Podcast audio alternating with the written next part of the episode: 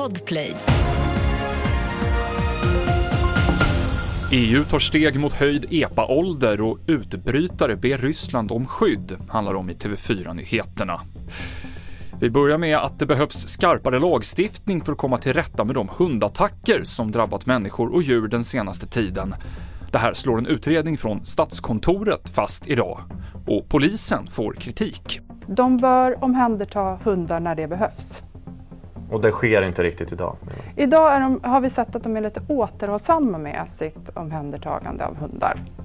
Och de har ju en roll att faktiskt också eh, förebygga skador i samhället som kan orsakas av hundar eh, om det är en akut situation.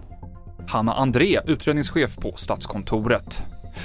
EU-parlamentet har röstat ja till nya körkortsdirektiv som bland annat innebär att åldersgränsen för att få köra A-traktor kommer höjas från 15 till 16 år. Detta trots motstånd från de svenska ledamöterna. Det lär dock dröja till i höst innan en uppgörelse är klar och ännu längre innan de nya reglerna träder i kraft. Styret i det proryska området Transnistrien i Moldavien ber Ryssland om skydd i en resolution som antogs idag. Enligt bedömare kan det röra sig om att utbrytarregionen vill ansluta sig till Ryssland och Rysslands retorik liknar den som användes när Krimhalvön annekterades. Man talar om att eh, Moldavien eh, förtrycker ryssar eh, i Transnistrien till exempel.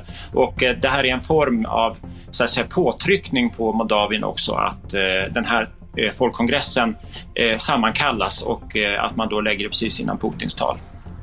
Jakob Hedenskog, analytiker vid Centrum för Östeuropastudier. Till sist, hockey. Leksands målvakt Mantas Armalis stängs av i fyra matcher för att ha slagit Oskarshamns Olli Palola i ansiktet under SHL-matchen mellan lagen igår kväll. Palola fick hjärnskakning, men kunde lämna sjukhuset nu på förmiddagen. Fler nyheter hittar du på tv4.se. I studion idag Mikael Klintevall.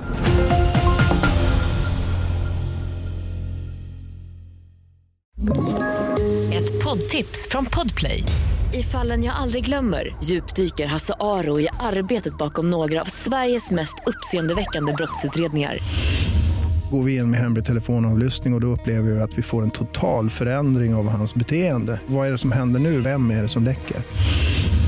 Och så säger han att jag är kriminell, jag har varit kriminell i hela mitt liv men att mörda ett barn, där går min gräns. Nya säsongen av Fallen jag aldrig glömmer på Podplay.